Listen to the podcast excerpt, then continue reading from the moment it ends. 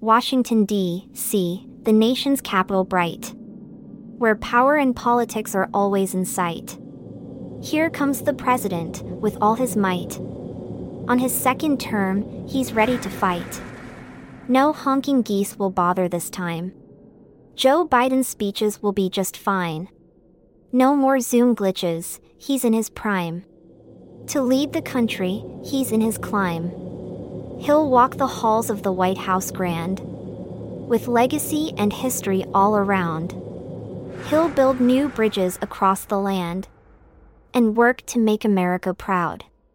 The world may be in a state of unrest. But Joe Biden will always do his best.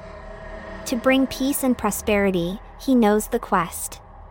And won't rest until he's passed the test. The people of America have chosen their man. To lead them through rough seas and calm. He'll do everything he can. To protect their rights, like a balm. His speeches will ring with hope and pride. And in their hearts, he'll always abide.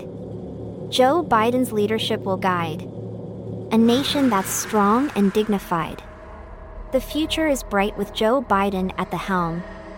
He'll navigate the storms and navigate the realm. No honking geese will interrupt his realm. America will shine like a priceless gem. So let's stand with Joe Biden and his team and make America the land of dreams, where democracy and fairness reign supreme, and the people's voice is heard like a gleam.